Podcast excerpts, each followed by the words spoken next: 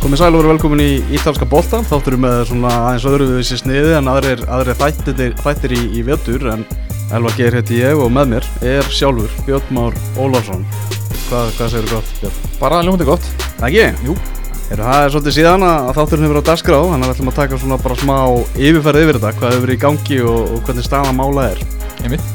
Og við ekki að byrja í bjöldinni bara aðeins að aðtuga það hvað, hvað, hvað Íslandingandir okkar er að gera og svona Jú, við skulum bara byrja í Íslandingadeldinni B-deldinni, mm. þar sem hérna, deildinni er að klárast það eru þrjárum fyrir eftir og, og okkar menn eru einhverju svona í, um, í og við umspil mm. uh, það hefur bara stáð fréttur í vikunni að Óta Magnús hafi meðist uh, bara út bein í fæti uh, ekki, ef Mm. við maður rétt og hérna hann, hann verður ekkert meira með þannig að þetta er búin að vera mikið meittur á tímabilinu uh, byrjaði þessu til leiki hann upphafi en uh, hefur síðan náttúrulega erfitt úrþáttar og já, meðslinn hafa sett stóran, stó, stóran þátt í hans tímabili núna og hérna og mikið samkefni líka hjá honum.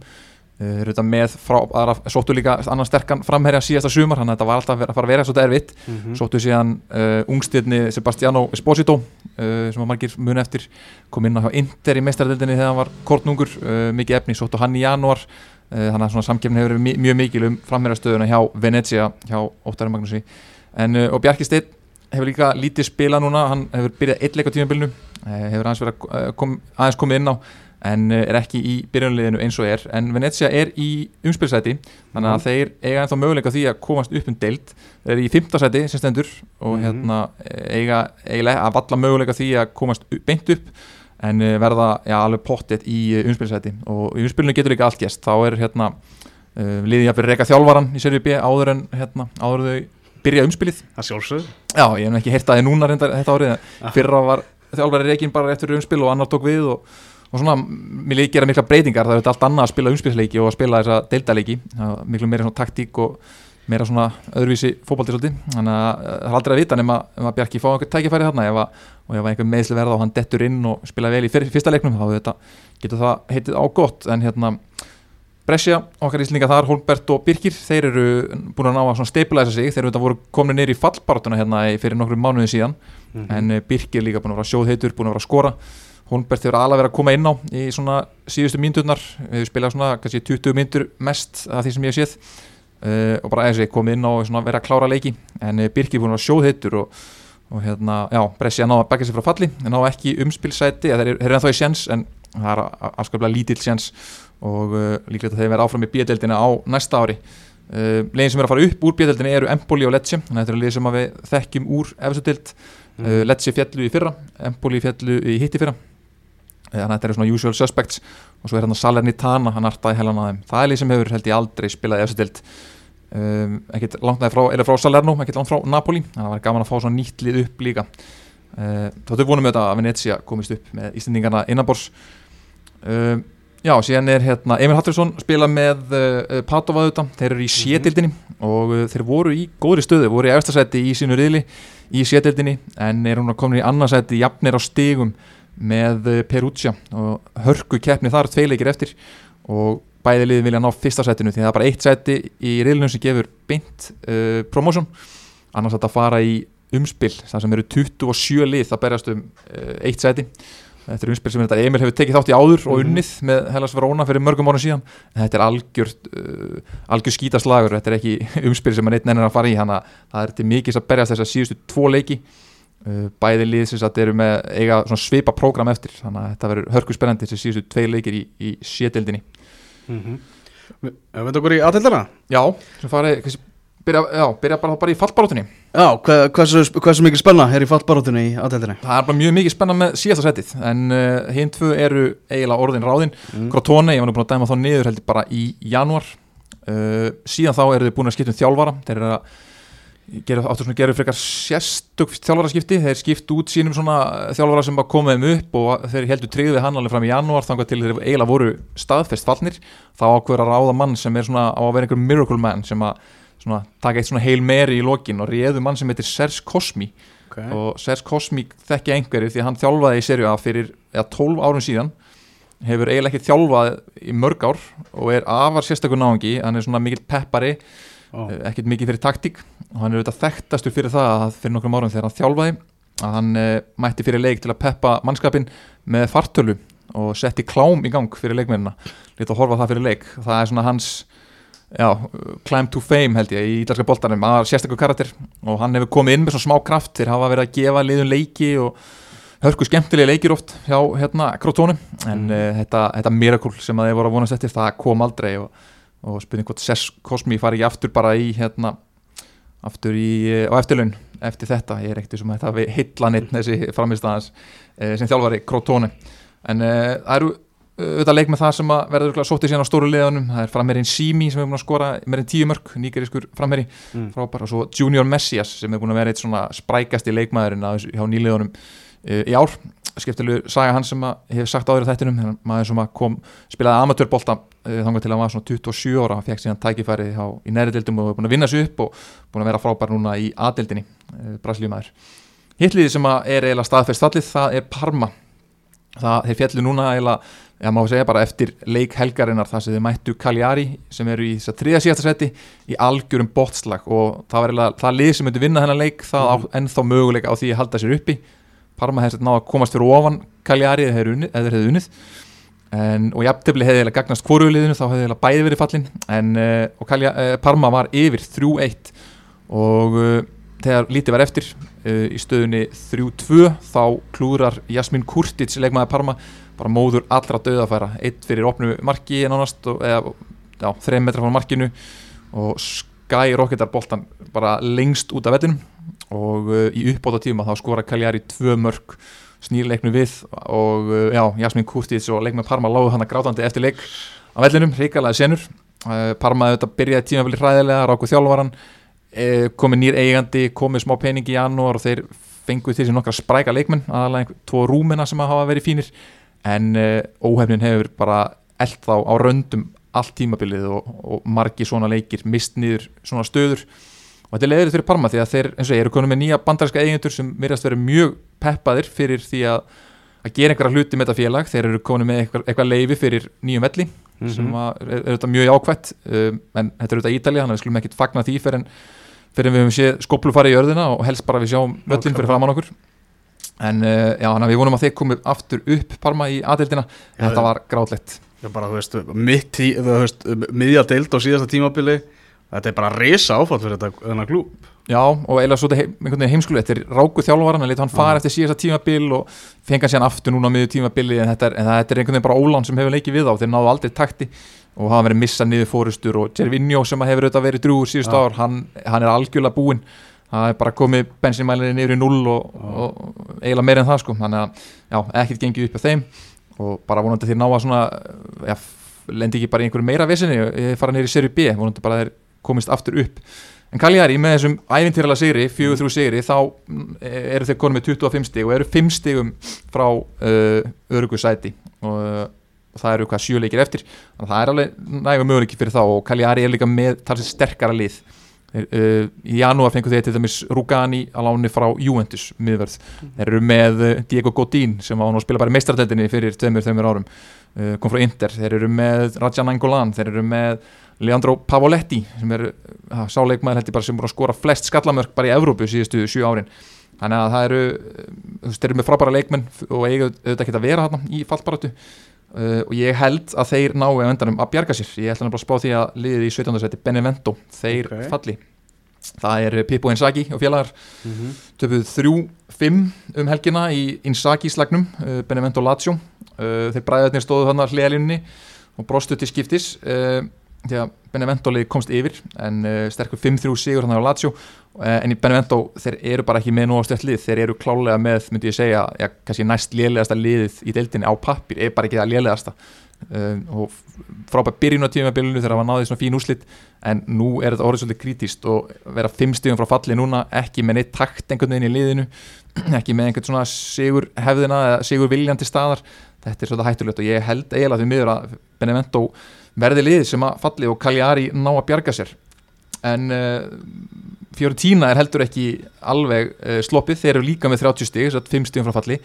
Og það verðist eins og menn þar sé bara ekkert búin að átta sig á því að þeir eru í raunverulega vandræðum. Uh, mjög andluslið þeir eru þetta rákuð þjálfvaran sem byrja, byrjaði tímabilið réðu Cesare Prandelli sem að hætti síðan svona út af ákveðinu svona þunglindi og, og erfileikum kannski enga liðinu ríðu síðan aftur mannin sem þeir áku í upphafið tímabils uh, en þetta er bara rosa andlust og uh, verður Frank Rýber í að reyna að halda upp einhverjum takti þarna uh, en með þess að leikmenn sem að eru frábæri leikmenn í serju A þeir eru bara að spila mjög illa Mm. um, það er hérna já, sérstaklega á miðjumenn- miðjunni Castro Villi sem er búin að vera í ítalska landsliðinu mjög efnilegur, hann er búin að vera slagur og aðris hann að já, mjög, Amrabat sem kom fyrir tímabili líka frá Verona sem var frábær þá, hann er búin að mjög slagur núna finnst mér.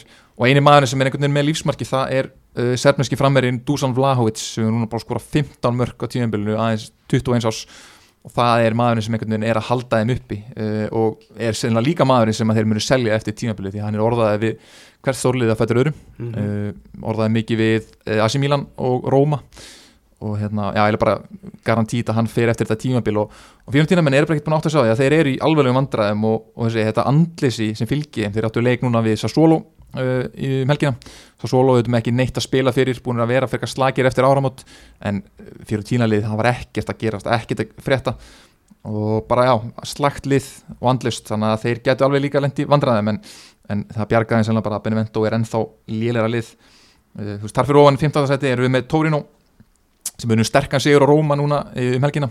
Og það er svona tryggið, á, tryggið um svolítið svona upp úr þessu, þessu bóttbarátu brasi, þeir eru líka leik inni þannig ég held að þeir hafa líka bjargað sér. Þeir eru, er allt annað að sjá það núna eftir tímablið þeir eru auðvitað David Nikola uh, í janúar sem er þjálfari sem er vanur, að, vanur því að bjarga liðin frá falli.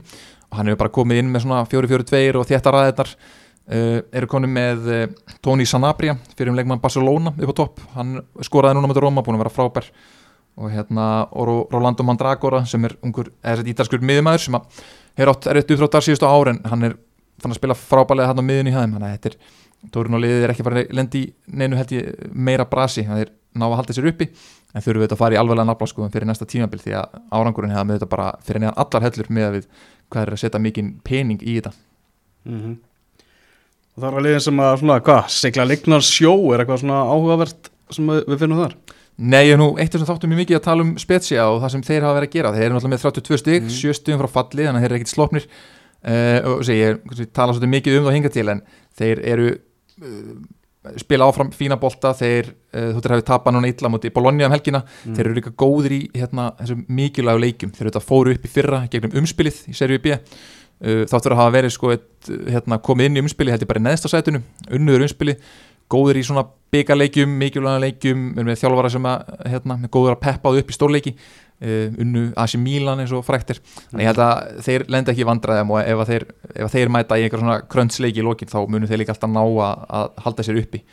Og þar fyrir ofan erum við Genoa sem að byrjuðu tímabilið í bótsætinu og, og leiti út fyrir að vera bara fallnir eftir sjö umferðir. Mhm. þeir réðu þjálfara Davide Balladini sem að er búin að gjössanlega halda þeim uppi og uh, þar eru við líka með stóran sterkan framherja Gianluca Scamacca sem að við uh, Íslendingar þekkjum nú, mætti Íslandi hérna með U21, Mhm. spilaði líka U21 á smótunni núna uh, með ítalska landsliðinu reysa stór með hálstatú og stæla uh, hann er líka orðaði við stórlið, það er annar leikmaður sem er orðaði sérstaklega við AC Milan Mhm. svona líklegt að hann farið kannski þangað eftir tímabilið uh, á cirka 40 miljónir evra er sagt og hérna, já, Genoa bara búin að bjarga sér uh, voru sniðu í réðu þjálfara sem að réðu verkefnið fengu inn sterkar posta eins og Kevin Strootman sem að spilaði með, auðvitað með Roma og Mhm. Marseille og hefur komið inn bara með mikinn kraft og er einhvern veginn bara að sigla mjög líknan sjó og sama á líka við út í Nese í sætunum fyrir ofan sem að mjög óspennandi lið en þeir bara leiðir þetta að mæta þeim þeir eru með Já. þjálfara sem bara þéttir ræðirnar og, og einhvern veginn hafa ekkert verið inn einu vesenni að, að ráði á tímabilinu Mhm. Svo er Íslandingalið náttúrulega þar fyrir ofan. Bologna er ekki mikil vombrið svona Já bara að Andri Fannar hafi ekki fengið stærra hlutverk á þessu tímabili bara búin að koma við sögu í fimm leikjum. Hann talaði um það bara sjálfur að hann sé svona svektur yfir því að hafi ekki fengið fleiri mínútur. Já, mér finnst það mikið vonbreiði sko, ég, ég, mér bjóstu meiru því að hann er alltaf byrjaði f- fleiri leiki heldur bara í fyrra eða var að spila Já. þar sem meira í fyrra. Og svo fekk hann samning og, og hérna, alveg fimm ára samning og, og hann er þetta, er ennþá ungur hann er ennþá bara 19 ára liðs, þannig að hérna, hann á ennþá tækifæri en þetta er, ég er ekki alveg nú sáttum með hvað hann hefur spilað lítið núna eftir áramót sérstaklega, liðið siglir mjög líknan sjó. Uh, þeir, það sem kannski tala svona gegn honum er þetta, þeir eru með uh, hérna, Mattías Svanberg á miðunni svíi sem að er búin að vera frábær á tífambilinu ah. og er greinilega söl, aðal sölu var hann þeirra núna. Þannig hefur líka verið orðaðið við AC Milan skoraði tvö mörgum helgina uh, á móti Spezia og búin að vera mjög, já bara frábær annar hollendingur Jetty Skjáten uh, djúbumiðumæður sem að er líka búin að vera frábær og hérna hollenski landslistjálfarinn er að fylgjast með honum þannig að það eru svona aðrir gæja sem hafa svolítið stíð upp og Mm. eiga svolítið sviðið og eru kannski söluvara fyrir félagið en uh, svona fyrir, fyrir aftan þá þá finnst mér að hann hafa átt að fá fleiri tækifæri Mhm. uh, Svamberg verður eitthvað seldur í sumar mögulega skjátan líka, við veit það ekki en þannig að það er e- ef að hérna, Bologna sækir ekkit fleiri miðmenn fyrir næsta tíðanbíl þá er auglust að þeir ætla, ætla, ætla hérna, andrafannar eitthvað tí, hlutverk fyrir næsta tíðanbíl Mhm. en ef að þeir fara að sækja einhverja fleiri miðjumenn núna kannski selja þessa og, og sækja einhverja fleiri þá er spurning hvort, að, hvort hann fara að leita eitthvað annað þá var hann til það að fá spiltíma og Mhm. ég meina lán í ne, liði í neðri deildum neðri hluta deildarinn að til dæmis uh, væri ekkit vittlust sko. Svona ef þú spyr mig, ég meina, liðin sem eru í bótsættunum eins og við farið yfir e, og lið sem er að koma upp í aðbil er að spila fótbolta, þeir eru ekkert í ykkur svona varnar, Mhm. varnar pakki og meina, liðin sem eru að koma upp eru Empoli og Lecce, þetta eru lið sem að spila fótbolta alveg frá áttasta manni.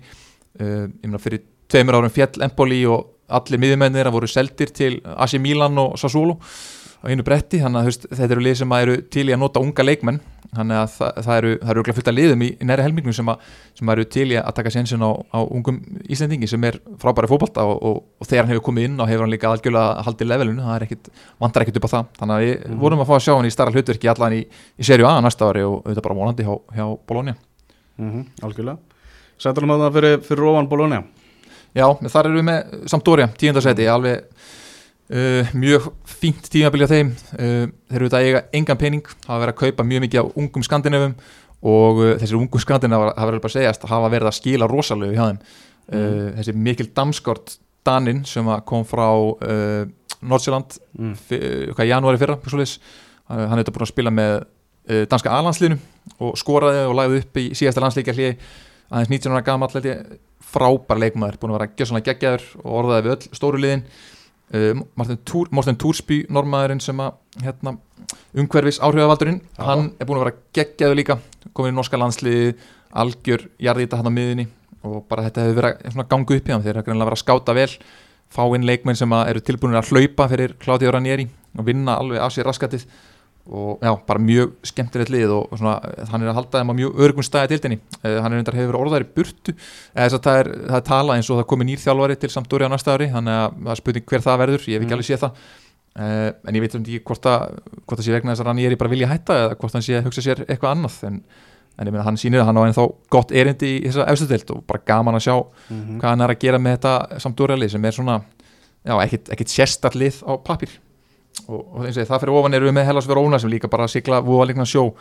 Uh, ná ekki að komast upp í liðin fyrir ofan sem eru þetta þessar síðstutnar sjö og síðan Sassuolo. Mhm. Sassuolo kannski vombriði uh, í allan að setni helmings tímabilsins þeir eru núna í áttundasæti og, og já, bara mikil vombrið að sjá þá ekki ná að fylgja eftir þessu, þessari byrjun, ég meina þeir, þeir voru í Evropasæti alveg fram í november eða eitthvað svo leis ef ég maður rétt. Og hérna voru að spila þannig að maður heldur myndi ná að halda þetta út síðan einhvern veginn bara þegar leikmyndin sá þetta var orðið örugt, þeir voru ekkert að fara vera í fallsæti og voru kannski alveg að nenna því að vera í topparáttu leikmenn sem er ekkert vanir sigurverar eða vanir því að vera í einhverju, einhverju brasi vilja kannski hafa það svolítið þægilegt Mhm. þá einhvern veginn var setni helmingurinn mjög slagur og hérna leikmenn kannski meira bara eh, ég veit ekki, spila fyrir sjálfan sig reyna nota, nýta Sassuolo sem þennan eh, búðaglugga sem þetta er fyrir stór félög. Og þetta fullt af leikmennum þarna sem eru orðaði við stærri lið þjálfarinn hefur auðvitað verið orðaði við stóru tjöppin hann, eh, Roberto De Cerbi hefur orðaði við stóru tjöppin og Ítalíu í mörg ár. Mhm. nú verðist hann mögulega vera leiðin til sjaktar þar sem hann auðvitað fær meiri peningamilli handana og fullt af skemmtilegum braslíumönum þannig að hann er pottið að implementa sinn fótbolta þar og, en hérna, ég vil auðvitað haldorum í deildinni. Mjög skemmtilegu þjálfari með, með flottar hugmyndir. Uh, Manuel Locatelli uh, er orðað við Juventus og Manchester City og ítalski fjölmur að taða að hann muni pottið fara núna í sumar. Þannig að hérna, það er líka leikmaður sem maður vil sjá á hæra leveli.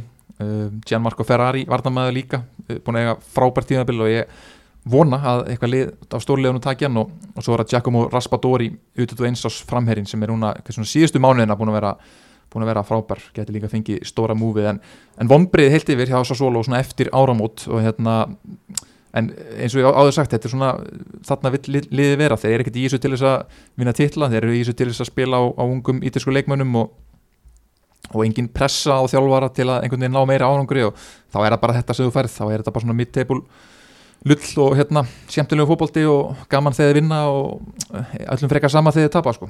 Mm Róma í, í sjöndasæti, stóra máli á þeim er náttúrulega Manchester United í undanúslitum Evrópadeildarnar, það er stóra verkefni á þeim.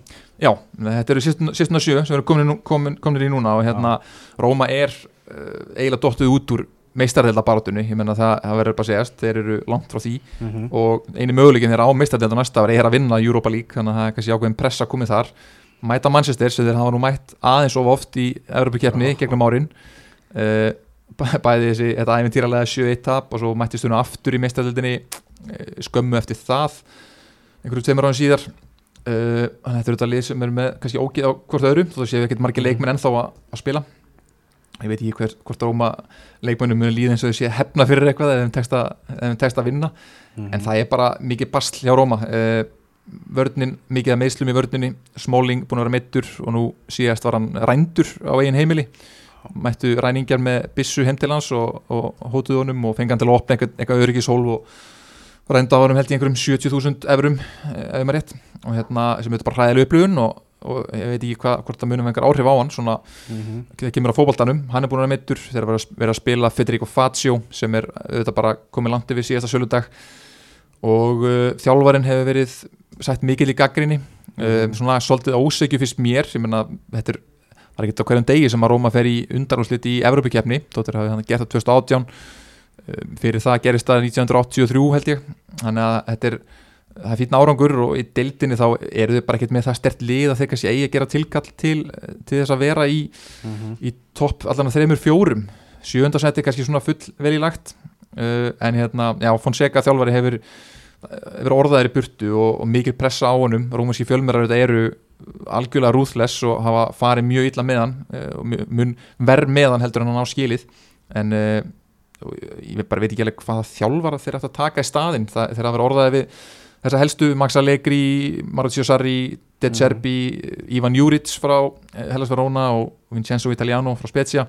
En ég, mena, ég held, ef þeir fá ekki Sarri eða Allegri þá veit ég ekki hvað þjálfar þetta fá sem er eh, einhvern veginn betri enn Fonseca. Mér finnst að hann hafa gert bara margt fínt og, og hérna, og ég meina ef þeim tekst síðan að ná, ná Evropu ústæðleiki í, í hérna Europa League mm -hmm. þá var það þetta líka bara frábæra áhengur og, og ég hafði eiga, eiga möguleika ná á uh, hérna, meistaröldarsæti á næsta ári mm -hmm. Við erum reall Arsenal er hinn undanúslega en möguleikandir er alveg svo sannlega til staðan fyrir Róma Já, algjörlega, og þessi leikið við manni verða líka áhugaverðir þetta eru bæði lið svolítið sem að, sérstaklega í Európa-deildinni sem að hafa leikið svolítið tilbaka. Mm -hmm. manni verður svona bestið þegar kannski líka aðeins tilbaka og leif anstæknum hafa boltan Róma í Európa-deildinni hafa leikið rosalega mikið tilbaka, svo að það var mútið Ajax þeir einhvern veginn lefðu Ajax að hafa boltan og og hérna voru síðan svolítið stálhefni tilbaka þannig að lókuðu bara fyrir. Þannig að ég held að þessi leikur svo sem það getur vist að vera eitthvað voða mikið fyrir augað en hérna en þeir eiga, alveg möguleika og, en þetta mannjú sé klálega favorites og hérna. Mm -hmm já, bara býð svona passlega spenntur eftir að horfa hann leik. Ég er svo brendur eftir að ég horfa hann 7-1 leik hann með, með félögum mínum í stjörnunni hann 2007 sem allir héttum með manni og ég held ég horfa hann bara einnigstanir í kjallara og slögt á síma og allt sem Venduð sko. umhverfi. Já, mjög venduð umhverfi. Það borgar sig, hérna Granlandur í Latsjó þeir eru hérna í sjötta seti Já, þeir eru í sjötta seti og eftir núna 5 sigurleiki rauð, uh, nú síðast 5-3 sigurinn á, á Benevento þá er þau svona aðeins að ná, ná sér aftur eftir hérna þessa nýðurlæðingu gegn bæja munn hér það var auðvitað rosa mikil niðurlæng fyrir það og ég verði að segja að þessi, þetta tap þeirra gegn bæinn kom mér svolítið óvart, ekki það að þeir hafa dóttið út heldur bara hvað þeir voru ótrúlega slagir uh, því að það er eitthvað sem Lazio hefur verið síðustu árum á Ítalíu, þar, þeir hafa verið þekkti sem byggarlið, þeir hafa mhm. unni byggarinn tvísvar á síðustu árum. Uh, þeir ná að peppa sig upp í stórleiki góður í darbjörnum mútið Róma, þeir hafa unni Juventus ítrekað síðustu ár Þannig að þetta er lið sem að kann á stórleikina en þegar mættu þarna í meðstæðleitina þá mættu náttúrulega bara skítrættir og gáu mark hérna eftir, eftir bara nokkra sekunduleiku við og þetta, þetta var alveg ævintýrlega slagt sko. Þannig að mikið vonbreiði en þeir eru svona ná vopnum sinum aftur og eru í sjötta sæti, eru þannig í Evrópu sæti og hérna Giro Immobile upplýði markar þurð, þurð en hann er byrjar að skora aftur. Þannig ég held að Lazio muni bara enda þarna sjötta sæti. Þeir, ég er ekki, eh, ekki sem bendið til þess að þeir missi Róma framfyrir sig og hérna bara ennitt fína tímabili hjá eh, hérna, já, Simone Inzaghi eh, sem er annar þjálfari sem hefur líka verið orðaði við, við Juventus, kannski eins og við komast, komast betur að á, á eftir mm -hmm. uh, Napoli, 5. sæti, byggamestararnir Gattuso og hans menn Já, og Gattuso er líka halda Napoli Napoli-liði algjörlega á floti, Já. þeir eru ennþá í góðin sens að ná mestaraldarsæti uh, náðu jafntöfli gegn Inter um helgina sem var gríðarlega mikilvægt, þeir eru tveimur stigum á eftir Juventus og Juventus með þetta sem tapaði um helgina gegn Atalanta baráttan hann finnst mér vera bara helsta, harðasta baráttan í ítalsku deltinni er um fjórðarsæti því ef Juventus næri ekki fjórðarsæti uh, og þessi, það verður ekki að þessari meina þá þá er það mikið vesen fyrir það og mætti jafnvel kannski segja að þá eru ennþá aukist líkunar á því að verða af þessu League. Því menn ég veit ekki hvernig Juventus ætlar að vera eða, á- ekki meistaradeild eða League uh, og vera með Ronaldo og ætla að einhvern veginn halda áfram með peningum og fjárfesta til framtíðar, það, það getur verið mjög blóðut fyrir þá. En uh, Napoli er að narti hælan á þeim og Gattuso er finnst mér bara að gera mjög góða hluti með hópin sem hann er með. Uh, þeir eru að spila fína bolta, þeir eru að geta bæði haldið boltanum og stýrt leikjum og geta líka leiðið hans tilbaka, þá eru þeir með ótrúlega sterkan framherja í Viktor Ossimen sem er búin að vera geggjaður núna finnst mér eftir áramóti sérstaklega mm -hmm.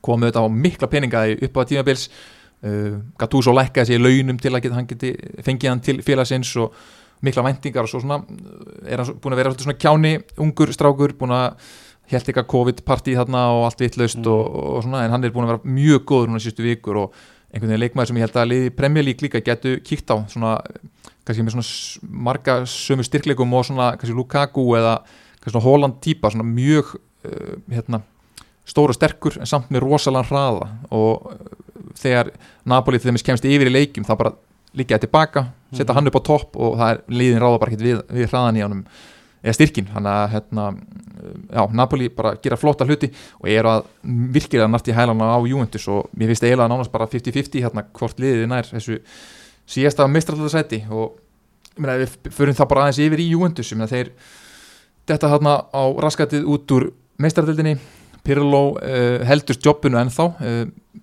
en það eru líka svona á, hérna, áformið það að hann verði þarna ekki á næsta tímabil. Ég segja líka það séu kannski svona 50% líkur á að hann verði þarna áfram. Uh, hann var beðin í ítörsku fjölumjörnum um daginn að að gefa sjálfum sér engun fyrir tímabilið, ok. Hann gaf sjálfum sér engun 6 af 10 ah. það er svona ég veit ekki alveg get, hún get alveg lækkað ef, þið ná ekki í meistæðarsæti en hérna hann hefur verið vonbriði en, en mestu vonbriðin eru samt bara leikmannahópurinn, samsetningin á þessum leikmannahópi Ah. uh, hún er ekki góð og það, það, er, það fyrir töðunar og Ronaldo, já og meina þú ert með hérna, það er auðvitað ekki auðvitað að koma Ronaldo kannski inn í eitthvað lið, svona ákveði leikkerfi sérstaklega Já. leikkerfi þegar ætlar að stýra leikjum og halda bolta þetta er ekkert maður sem pressar endalvist en, en bara þessi leikmannahópur ég meina þú ert með, þeir, þeir, það er að býta þá svolítið raskati núna að hafa tekið til dæmis Rabiot og, og Ramsey frítt. Þetta er leikmenn sem tóku frítt Já. og fengu hérna, veist, ókipis þó, en fengu í staðin langa dýra samninga. Veist, þetta er ekki leikmenn sem eru einhvern veginn að hækka level í veist, og ég set sjálfur kannski svona spurningamerki við það, ég meina, þegar þú ert að taka leikmenn sem eru búinir að svona uh, sem er, klára samningana sína á sínum liðum uh, Rabiot sérstaklega í svona fússi hjá PSG búin að vera leiðindi hjá honum, Ramsey búin að vera fyrirlið hjá, hjá Arsenal og, og lætur samningi renna út mm -hmm. fara síðan til Juventus er þetta, er, er þetta vottum karakter sem að er að fara að hjálpa besta liði í heimi að verða enn betra veist, ég set píningu spurningamerki við það sko, Mhm. að þetta sé einhvern veginn réttu, réttu karakterin sem þarf til að snúa leikjum, það sem er miklar, mikil pressa, mikla væntingar og, og mikil sigurhefð uh, þá þeir eru þetta fengið inn líka á miðjuna hérna frá Barcelona. Artur, Artur, já, Artur, uh, hann hefur ekki Nero. heldur á alveg staðið undir vendingum og þannig að hafa fína leikin á milli. Þeir eru orðaði við eins og ég Locatelli frá Sassuolo og ég held að hann farið þangað í sumar. Það er svona kannski Pirlo típan sem þeir þurfa á að halda. Mm -hmm. uh, en já, annars þurfa þeir að fara í gegnum ákveðna endur nýjun, sérstaklega á miðsvæðinu. Hva, uh, hvað heldur þú? Þú veist, heldur þú að Ronaldo og Pirlo verða þarna á næsta ári? Hvorur, hvað, hvað heldur þau? Ég heldur verði þarna báðir Ok. uh, Ronaldo held ég að verði alveg saman eða hvað gerist því þeir bara get ekki losa hann Ah. og hérna hann er þetta á rosalegum samning og jafnvel þóttir sko þeir, þeir vildu losa hann og jafnvel þóttir Ronaldo kannski vilji fara þá bara þú getur ekki losa svona mann um þessum kringustæðum eins og staðan er í dag held ég uh, og með financial fair play sem að liður svona aðeins farin að fylgja núna ég meina ég, ég sé það ekki gerast og, og Pirlo þá, þá þú veist, það myndi þá því að þeir þurfa að fá einhvern annan inn sem að Ronaldo Já. fílar og er, er Juventus að fara að hlusta á Ronaldo núna sem er að, kannski að vera hérna eitt ári viðbútt og, einhvern veginn taka en þjálfara að hans skapi uh, og þurfa kannski að gera einhverja breytingar á hópnum sem eftir, eftir því hvað Ronaldo vill maður sem er að vera hérna eitt ári viðbútt, ég, ég sé það heldur ekki þannig ég ætla eiginlega að gíska að þeir verði þarna Ok. báðir áfram Mhm. en það verði samt breytingar á, á leikmannahópnum og það verði, ég meina það ljóst að þeir munu losa eitthvað þeir munu losa Ramsey og Rabiot eða þeir reyna að selja þá, Mhm. Benadeski þeir þurfa að losa leikmenn, þeir eru búin að prófa rosalega mikið að leikmannaskiptum. Þeir reyna að, losa, þeir reyna að fá Alessio Romagnoli frá AC Milan skipta honum og Benadeski þeir eru og alls konar svona skipti og uh, hérna, mín og Ræjóla mætti þetta til Tórinu um daginn líka og menn heldur það væri til að ræða Pogba. Og kannski var það það en, en þeir voru líka að ræða Donnarumma Markur AC Milan sem eru um til þriðasæti, nei öðru sæti núna. Uh, því að hann er að reyna út á samning núna í ár og hérna það er ljóst að Ræjóla er að hvort að reyna pressa upp vermiðan á honum að hérna að bæta samningsstöðuna á AC Milan eða þá hann er bara honum til Juventus því að Juventus eru þetta með Sessni í markinu uh, sem hefur fengið svolítið óverskuttan skýt fyrst mér, mér er hann Já. klálega næst besti markmöru dildarinnar eftir, eftir Donnarumma og ekkit við hann að sakast en ef að þeir býðst Donnarumma þá náttúrulega tekur hann því að þá ættu komið með markmann næstu 20 árin Mhm. bara nýji eins og er búin að vera fyrir, fyrir þá Buffon er endur á leiðin út. Uh, hann hefur verið orðaðir mitt við Atalanta því hann vil, vera, hann vil taka eitt tíma vel viðbót í fótbolta og hann vil vera aðalmarkmaður. Mhm. þannig að ég stað enda pínu sérstakt ef hann, hann fyrir þangað en, hérna, en það væri gaman að sjá hann sem aðalmarkmann eitt ári viðbót. En, hérna, en já, þannig að það verða breytingar í Juventus og sérstaklega á miðsveðinu Dybala, þeir eru búin að bjóða hann nýjan samning og það er svona ákveðin pattstaði í gangi þar. En það er líka svona leikmæð sem að held að einhvern veginn í þessu árferði sem er í dag þá náður ekkert að losa hann og hann er ekkert að fara að finna einhvern uh, hærri samning held ég annar staðar. Þannig að hann Mhm. held ég að verða áfram líka. Morata, þeir eru að reyna að fá, hafa Morata áfram. Hann verður orðaði við uh, Robin Gossens á Atalanta bakvörð og Emerson Palmieri frá Chelsea en, en það, er ekki, það er ekki komið þessu svona stóru svona hérna, ennþá allavega. Þannig að það er, ég held að Juventus menn sé mjög mikið að býða og sjá og, og Agnelli Fossetti er auðvitað búin að vera bara upptekinn í, í allt öðrum málum undanfarið. Mhm. Atalanta í þriðarsæti, leið sem hafi bara fundið mikið stöðuleika í sama, sama sæti og þeir endur í, í fyrra. Já, uh, þeir eru það og þeir hafa, þetta, mistu hérna Pabbi Gómez á miðið tímabili og ég held að þurftu að breytum leikskipulag við það. Þeir tóku engan leikmann sem er eins heldur eh, fóru að spila Marco Pessina mikið sem er ítalsku miðumæður sem búin að vera frábær en er núna meira að spila klassika 3-5-2 bara með þrjá pjúra miðumenn og í staðan fyrir að vera með svona einhver hóluleikmenn þá eru bara með á 3-5-2 og með uh, Zapata og Muriel upp á topp. Um, þetta hefur gengið og þeir eru í þriðasæti og er ennþá að spila fína fótbolta unnu Juventus í flottum leiknunum helgina 1-0 en mér finnst samt kannski pínu svona blikur á lofti með þetta með uh, Muriel og Zapata eh, Zapata er alltaf orðaðir í burtu. Muriel er ekki leikmaður sem þú getur treyst á að byrja alla leiki á heilu, tímabili, hann er svona super sub típa. Hann, hann finnst gott að láta sér líða vel, hann finnst gott að borða mat og er svolítið meittur og, og svolítið þungur og og það sé kannski besti fótboltamæðurinn í dildinni á góðum degi þannig að mér finnst svona smá blikur lofti og þeir þurfa að endun í að sóknarlínuna hjá sér Mhm. Josip Ilicic hefur svona verið slakur á þessu tímabili inn á milli Eh, þannig að þú veist sóknarlínan sérstaklega þeir þurfa að hugsa nýtt þar og ég sé ekki alveg hvað hva það á að koma Mhm. um, á meðan þeir eru með frábæra, frábæra varnamenn, frábæra bakverði og, og einhvern veginn alveg sama hvaða leikmann þeir kaupa í bakverðastöðuna því slá allir í gegn Núna, þessu tímanbili keftu þeir Joakim Meli, danskan bakverð frá Genk og bara leikmann sem ég aldrei heyrt um.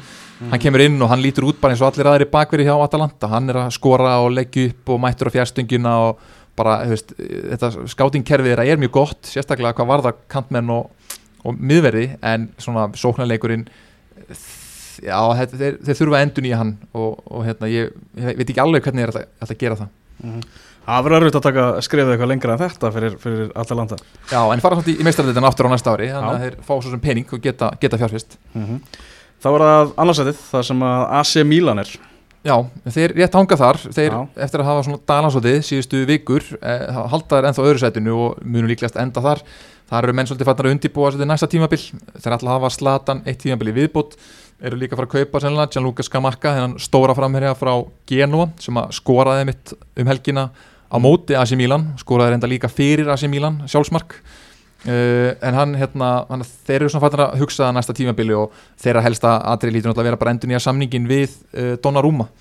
Uh, Já. Donnarumma veist, það, það er ná, meistæðarsæti er náttúrulega algjör líkill að því að hann verði áfram. Og bara mikilvægt uh, fyrir AC Milan og framtíð þeirra einhvern veginn að hérna, hann á að byggja upp stöðuleika þarna. Þannig að Zlatan verður áfram, Rebic örgla áfram og síðan munur örgla bara styrkja liðið því að nú, nú loksins fáið meiri peningum millir handana, geta farið að gera eitthvað.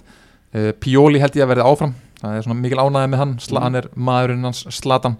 Og, hérna, og þá verður hann líka áfram. Og bara mjög flott hjá AC Milan. Þeir að ná að enda tímabilið með stæl. Uh, þeir, þegar þeir svona duttu niður úr toppnum og voru komin í smá baráttu við Juventus þá fóruður ekkert á taugum heldur náðu bara að halda sínu striki og er að ljúka þessi tímabilið bara, bara mjög vel og en annarsætið fyrir AC Milan þetta er bara stórkostlegur árangur Nákvæmlega, þú veist svona stundismenn AC Milan kannski margi sem voru fartin aðeins að láta þess að dreyma kannski um mögulegan titil en þeir geta allavega, þú veist, kætt sig við það að þetta er þeir að ná vopnum sínum þetta félagi eftir svakalega, svakalega lægð. Já, einmitt og bara leikmenn fannir að spila vel einhvern veginn sem voru ekki að spila vel áður. Og Tjalanoglu er líka núna í einhverju samlingsviðraðum endur nýjun, búin að vera frábær leikmaður, búin að vera eiga flotta spretti á þessu tímabili uh, og bara sína hann er klassa leikmaður. Þannig að það er- lítur, lítur vel út hjá AC Milan. Ég sé svona engin, engin skí á lofti hvað, hvað það sko, það er bara alveg spurning hvað Slatan mun spila mikið, hann er náttúrulega verið þessu tímabili svona aðeins fara draga á honum, svona bæði með bönn og klaufaleg bönn og hérna, meðsli og þáttaka í Eurovision og eitthvað hvað. Ah. Þannig að það er svona aðeins fyrir að draga á honum og þeir þurfa aðeins að breyta kannski um leikstíl og fasa hann aðeins út uh, en hérna, en jú bara flott og lítur mjög vel út hjá, hjá AC Milan. Mhm. Í fyrsta sæti, Inter sem er að fara að ná sér í ítalska meistaratitilin í fyrsta sinna eftir, eftir 11 ára bið, okkur er bara stakka allt einu Inter af, okkur fóruður á þessa rosalegu sigurbrönd það er alveg góð spurning, þeir hafa svolítið silt svona baktira megin að þessu finnst mér. Mm. Uh, þeir þetta bara verið með stöðuleika eiginlega allt tímabilið, þetta er eina liði sem hefur ekki tekið einhverja risastóra dífu eða eitthvað hannig og hafa ekki verið kannski eins háðir uh, svona svona eins háðir einum, tveimur leikmunum Lukaku er náttúrulega búin að vera heill nánast allt tímabilið en, en, hérna, en hafa samt einhvern veginn náða að svona, sækja mörk frá, frá fleiri leikmunum uh, þeir eru þetta með bara byrjunarliðir er sterkasta byrjunarliðið í deildinni það eru með þrjá geggjaða miðverði að besta miðverða parið þarna, eða tríóið í, í deildinni, þeir eru með miðjan hjá þeim er með Barella sem er gjössanlega frábær uh, og bara gefin byrjunarliðsmaður á ítalska landsliðinu. Brozovic, veit allir hvað hann geta. Mhm. uh, Hakimi hérna á hæri kantinum stórkostlegur. Og síðan þetta hérna Lukaku, Lautaro upp á topp sem að, og svona sérstaklega Lautaro líka finnst mér hafa svona aðeins stungi sokk upp í mig sko, ég hef svona ah. Ég, ég hef ekki alveg verið nóg sáttum með hann síðustu ár og minnst hann aðeins verið, hafa verið hæpaði svolítið, ekki verið að skila eins mikið að mörgum eða stóðsendingum eins og uh, sem að réttlæti það að vera orðan við, við Barcelona og önnulið en hann er bara búin að vera gjössanlega frábær á þessu tíðanbili og, og þetta er bara þessi konti maskína, bara rökk í gang. Hann hafði hann í gang svona í byrjun tíðanbils og svo hefur hann bara mallað. Og hérna ég er bara svona leðrið fyrir stundismenn indir að, að vinna titilinn svona á þessu COVID ári. Mér stela svolítið svona og, og er búin að vinna titilinn svona í rauninni frekar snemma uh, veist, það er ekkert kannski búið að tryggja hann ennþá en hérna það er samt bara að vita að þeir eru búin að vinna hann og, og mér finnst einhvern veginn svolítið lítið, lítið talað um þetta einhvern veginn Þeir- eru að vinna hann í svolítið þögn og hérna uh, þögn, eh, en kannski var það bara það sem þið þurftu að hérna konti hægt að vera leiðilegur í fjölmiðlum og, og þurfti bara smá ró í kringum liðið. Ég meina Inter er núna líka þá, skráðu þáttakandi í þessari ofudild og við höfum ekki ennþá held ég heyrt einn einasta mann frá Inter tjá sig um þetta, allan ekki ég Mhm. uh, Anjelli hefur tekið allan hitan í því máli. Þeir, þeir eru bara einhvern veginn sita bara sjálfur í þögninni og, og geta bara fagnað þessum titli, mjög verðskuldaði titill. Ekkert lið sem hann var einhvern veginn átti sjens í það og, og þessi þessi, þessi formúla hans konti sem er ekkert ósvipuð hann gerði á Chelsea. Vera með bara svona 3-5-2 einhvers konar rosalega vel drillalið einfalt uppspil. Þetta gengur út á að spila upp á Lukaku sem að battara hann niður eða stingum menn af og þú veist, Mhm. Þetta er bara í þessum nútíma fótbolta það sem menn alltaf spila þrýhitninga í kringum alla þú veist, þá er bara gaman að sjá líka hvernig er hægt að spila leikinn svona aðeins öðruvísi og spila svolítið svona gamaldags hátt með eitt stóran, eitt lítinn og, og bara gera það vel og hérna bara mjög verðskuldaðir sigurverð inter í ár. Er Lukaku leikmaða tíma, tímabilsins? Já, ég held það verið að segja það. Búin að vera heilt yfir menn, það, það er bara enginn sem ræður við hann. Saman hvað hann gerir, hann er bæði snöggur hann er og sterkur, hann er með þetta allt og farin að skora mörk líka. Og hérna, gæti auðvitað að hafa skora fleiri. Þannig að ég, Já. Lukaku já, svona að hann að topum að mænt Lukaku leikum að rásins Mhm. Við verðum náttúrulega að ræða um ofurdeildina. Uh, Juventus, Inter og AC Milan ítölsku liðin fjögur sem eru hluti af þessu, af þessu plani. Náttúrulega íslenski fjölmiðlar lítast mikið svona því sem að enskir fjölmiðlar er að fjalla um. Ég sé, sé hérna þínu menni Róm eru búin að gefa út yfirlýsingu þeir eru á móti þessu og allt það er bara svona svipuð umræða í gangi á Ítali og, og er í ennska bóltanum Já, ég myndi að segja það. Um, svona, til að byrja með það hafa ekki verið jafn mikil sko, mótmæli, skipilu mótmæli kannski eins og Englandi, ég Já. það er búin að vera Englandi hérna með stuðnismenn að hengja upp fána, hengja upp skilti og, hérna, og skipilu ekki einhver úti mótmæli, það hefur ekki verið gert á Ítalíu en þá, mér vitandi. Og hérna uh, en ég held að samstæðan sé alveg svo sama. Uh, það eru það, var talað um það fyrir nokkrum mánuðum að Róma er þið mögulega hluti af þessu þessu superlík, þeir eru með bandariska eigendur þeir eru með brandið Róm, frá Rómaborg sem er alltaf reisastór Mhm. borg, þótt að Lazio sé hérna auðvitað líka og sé ekkit, ekkit í verri stöð í dag. Uh, það var að skrítið kannski að taka bæði þau liðin og Florentino Pérez sagði í gæra að nefndi sem dæmi að Róma væri eitt af liðinu sem gæti komið inn Já, eftir einhver ár, ég veit ekki alveg hvað það þýðir Mm. frekar en eitt af þessu.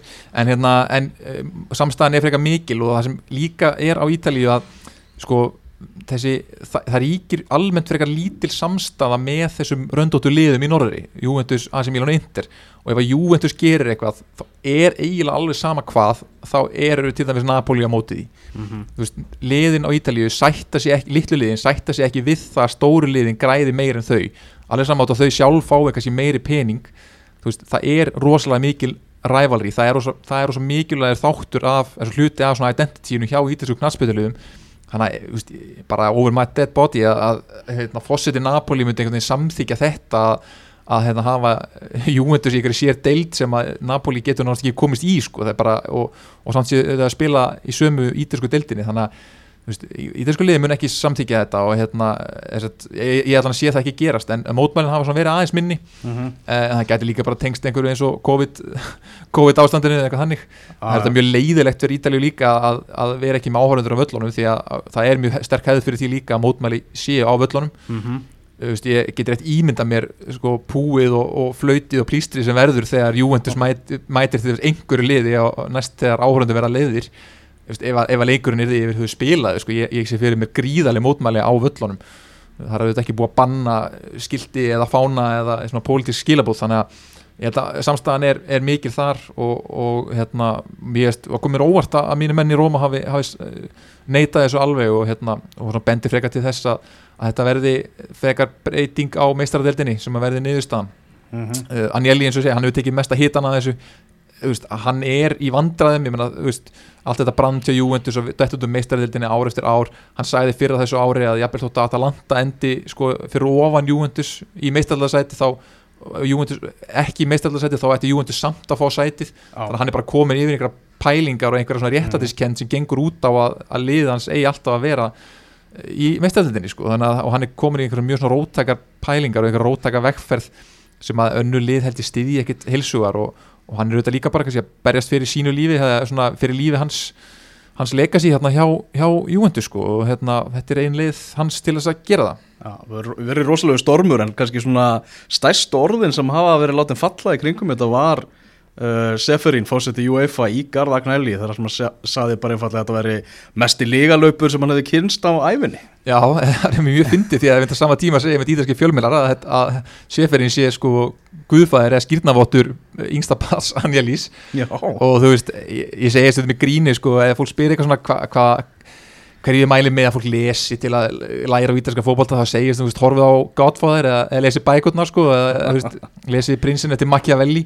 En þú veist, Jefferin hefur ekki gert það því að þá hefur náttúrulega vita að þú veist, þessi Godfather titill, hann náttúrulega segir ekki neitt sko, ef hefur séð myndindar hann Ja. að, þú veist, mjög mjög sérstakt og hérna það þeir hafi unnið svona náið og svo hafi hérna Anjeli bara slögt á símanum og, og hættur að svara og, Mhm. og svona, segja kannski um bendi kannski mest um þess að sé þetta panik ástand hjá Juventus, ég meina við sáum reyðina þegar þið dutt út úr, út úr gegn Porto, ég meina sá netvet þarna niður við völlin, alveg sturlaður.